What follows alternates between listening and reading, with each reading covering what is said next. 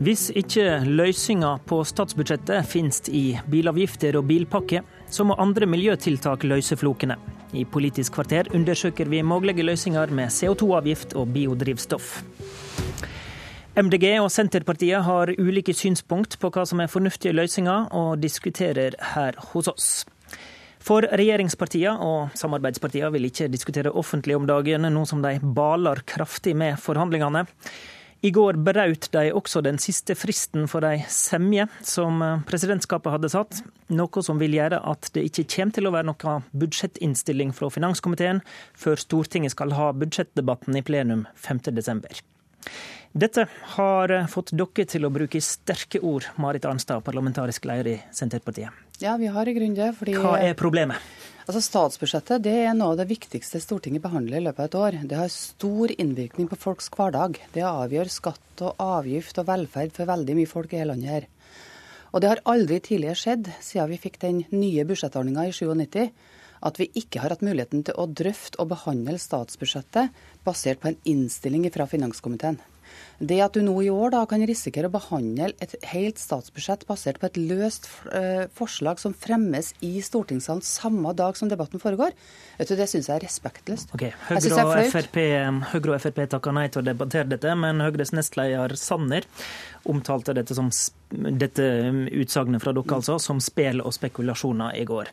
Og det er jo faktisk ikke unikt fordi Før den rød-grønne regjeringa skjedde det jo at en kom til budsjettdebatten i stortingssalen uten et avklart flertall. Ja, men det er noe annet enn å ikke ha en, inn, ikke ha en budsjettinnstilling på bordet.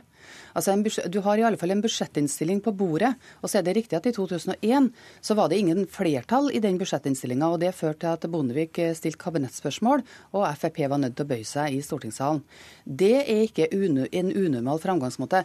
Men det at vi ikke engang skal ha den ferdige budsjettinnstillinga på bordet når vi behandler i Stortinget, vet du, det syns jeg er litt flaut på Stortinget og regjering sin vegne overfor alle okay. dem som blir berørt av denne saken. Politisk kommentator Lars Nehru Sand her i NRK.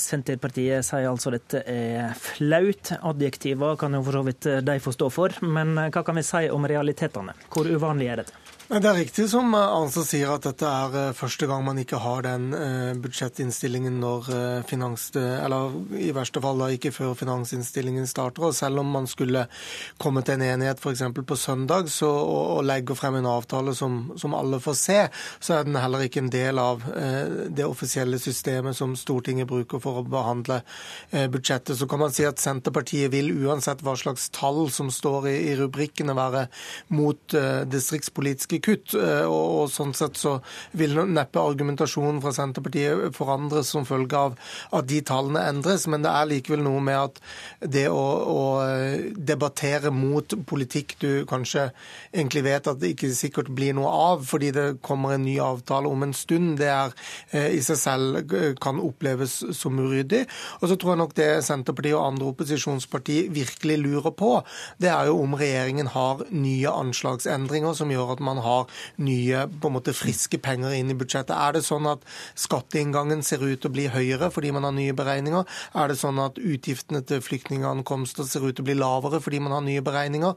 Eh, hvis det der ligger noen milliarder kroner ekstra, så er det helt klart at eh, partiene ønsker å bruke dem ulikt, og derfor ha god tid til å kunne debattere internt i partigruppene hvordan man eh, skal bruke dem. Så er det jo sånn, Man viste Bondevik i 2001. Da hadde man en innstilling klar, som eh, Arnstad sier. I 2014 så var Erna Solbergs regjering også eh, seende med å, forhandle frem en avtale, men da rakk man å levere en tilleggsinnstilling, som man da ikke rakk i går. Rakk de formelle fristene. NRK meldte i går at sentrumspartiet har gjort forberedelser for et brudd, men ikke har konkludert. Hva skal til for at de konkluderer med brudd? Det ene er jo at eh, et, en sånn beskjed til regjeringspartiene kan, eh, kan, føre til et nytt tilbud, og at man virkelig flytter politikk som følge av denne eh, ja, trusselen eller advarselen, eller hva man skal kalle det. Så er det sånn at Venstre vil nok unngå å bryte, men virker ganske klare på å gjøre det, men venter på Kristelig Folkeparti. Og Det gjør da at regjeringspartiene kan si at de venter på at sentrumspartiene bestemmer seg for om de går videre eller ikke, og Venstre venter på KrF. Og Derfor så ble dagen i går en, en stor ventedag. Og så er det klart at Selv om man nå bryter ut, så rekker man jo også å bli lokket tilbake eller komme, komme inn igjen i en forhandlingsloop hvis det kommer passende tilbud før 5.12. Står de to i sentrum sammen da, eller kan de velge ulikt, som vi har snakka en del om før? Nei, De kan utmerket godt eh, velge ulikt. og Det er jo også litt Venstres dilemma hvis man velger å bryte alene. Det er jo at man gir, eh, Jo før det skjer, jo bedre tid gir man Kristelig Folkeparti og regjeringen til å bli enige om et budsjett hvor Venstres seire så langt eh, forhandles ned, og mm. Kristelig Folkeparti får et enda holdt å si, bedre KrF-budsjett enn de ville fått nå. Samtidig er det ikke noe vits for Venstre å fortsette hvis man Eh, ser at det man har holdt på med over et år, egentlig ikke eh, ser ut til å At det er litt som tyder på at det skal plutselig endres i løpet av, denne siste uken her. Eh, så Derfor så, så, er det mange som står i flere ulike dilemmaer nå inn i, i helgen. Nå virker det som det så langt har stranda på disse bilavgiftene. Hva eh, miljøtiltak må de bli enige om Eh, hvis det er helt låst der.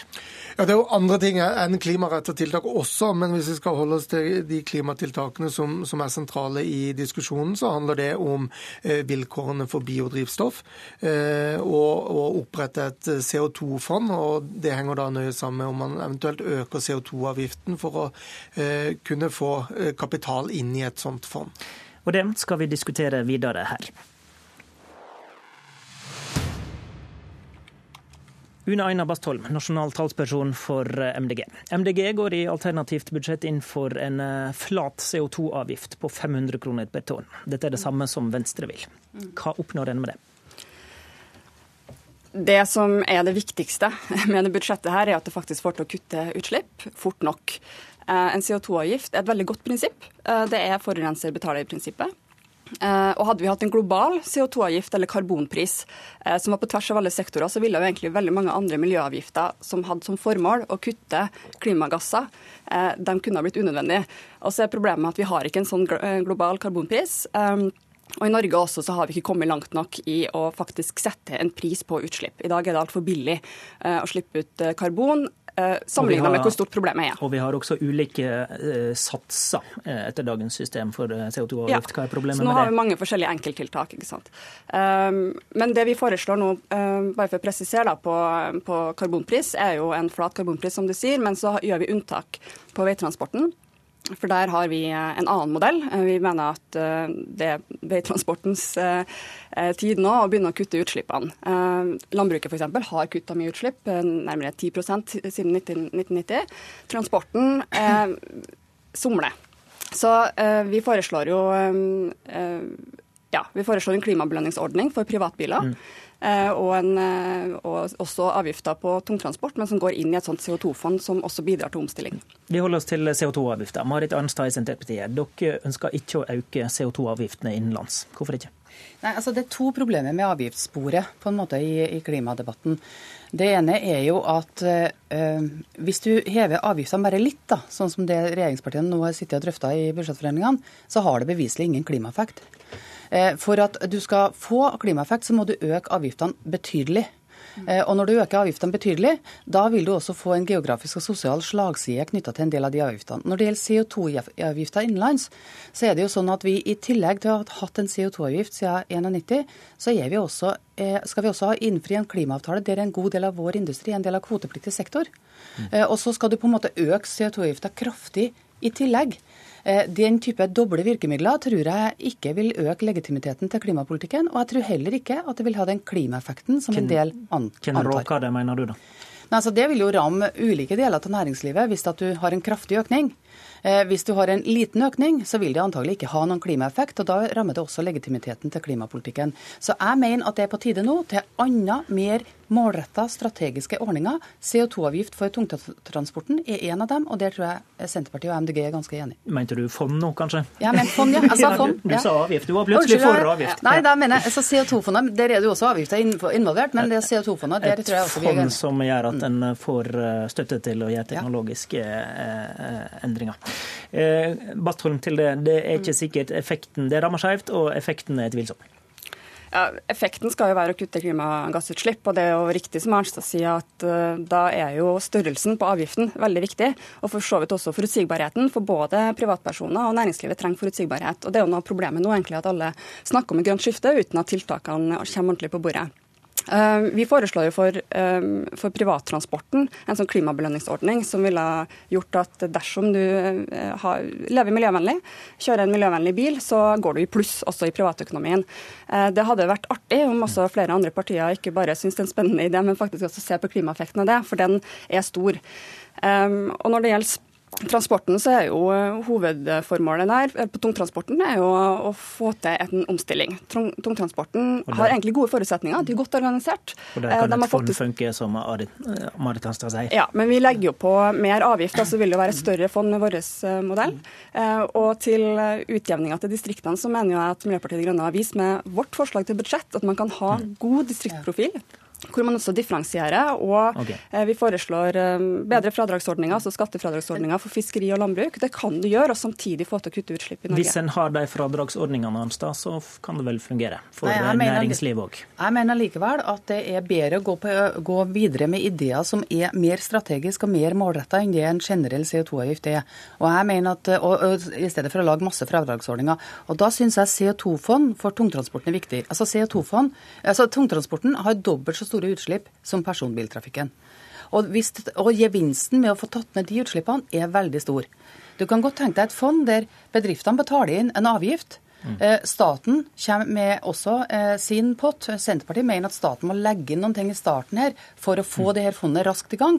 Og så får du da muligheten til tiltak til omstilling innenfor den sektoren. det har fungert godt når det gjelder NOx, og det til og, og kan også fungere godt når det gjelder CO2. Og Dette er til diskusjon blant de som forhandler. Vi skal ta et, eh, et annet poeng, poeng, de siste tre minutter. For en annen debatt som går mellom budsjettkameratene, er jo denne til, om krav til omsetning av biodrivstoff. Altså bensin og diesel laga på på planter. Her eh, bytter dere litt rolle, for her er det Senterpartiet som er enig med eh, det Venstre vil, nemlig å øke dette omsetningskravet vesentlig eh, til 20% innen 2020. Hvorfor er det klokt, Arnstad? Fordi det kutter klimagassutslipp. Eh, altså, jeg tror jo, Beregningene viser jo at eh, i forhold til regjeringas forslag når det gjelder uh, omsetningskrav på biodrivstoff, så ville Venstres og Senterpartiets forslag tidoble Eh, klimagass, eh, altså reduksjon i klimagassutslipp fra 2020. Og det vil være et betydelig bidrag for å kutte Norges totale utslipp fram mot 2030. Så biodrivstoff er så effektiv?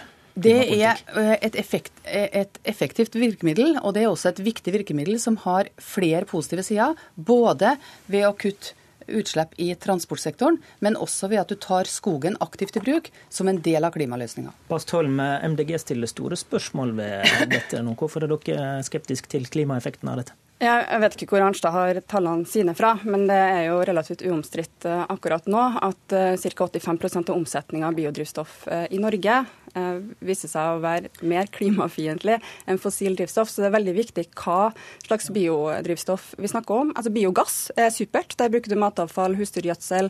Du kan til og med ha lokal eh, sirkulering av, av, energien og næringsstoffene. Så det er dette med å bruke norsk skog og sånn dere ikke vil gå inn på, da? På norsk, ja, jo da, men på norsk skog så er jo eh, biodiesel kjempespennende. Men det må skje bærekraftig. Så vi har jo lagt fram et forslag eh, i går på at vi må få mer kunnskap. Eh, og vi må også sørge for at den biodieselen som norske kjøretøy kjører på, hvis de skal gjøre det. Og da er det jo kanskje faktisk tungtransport og, og anleggsmaskiner som er mest aktuelt. fordi personbiltransporten den kan vi elektrifisere, det er mye mer lønnsomt. Men den må være basert på norsk skogbruk. og Da er vi jo enige med Senterpartiet at her er det veldig spennende med masse arbeidsplasser. Eh, og det er, det er gode prinsipper å bruke de biologiske ressursene, men vi må sørge for at det er bærekraftig. Jeg er ikke uenig med MDG i at du må bruke et biodrivstoff som er avansert. Altså Du må sørge for at det er bærekraftig biodrivstoff.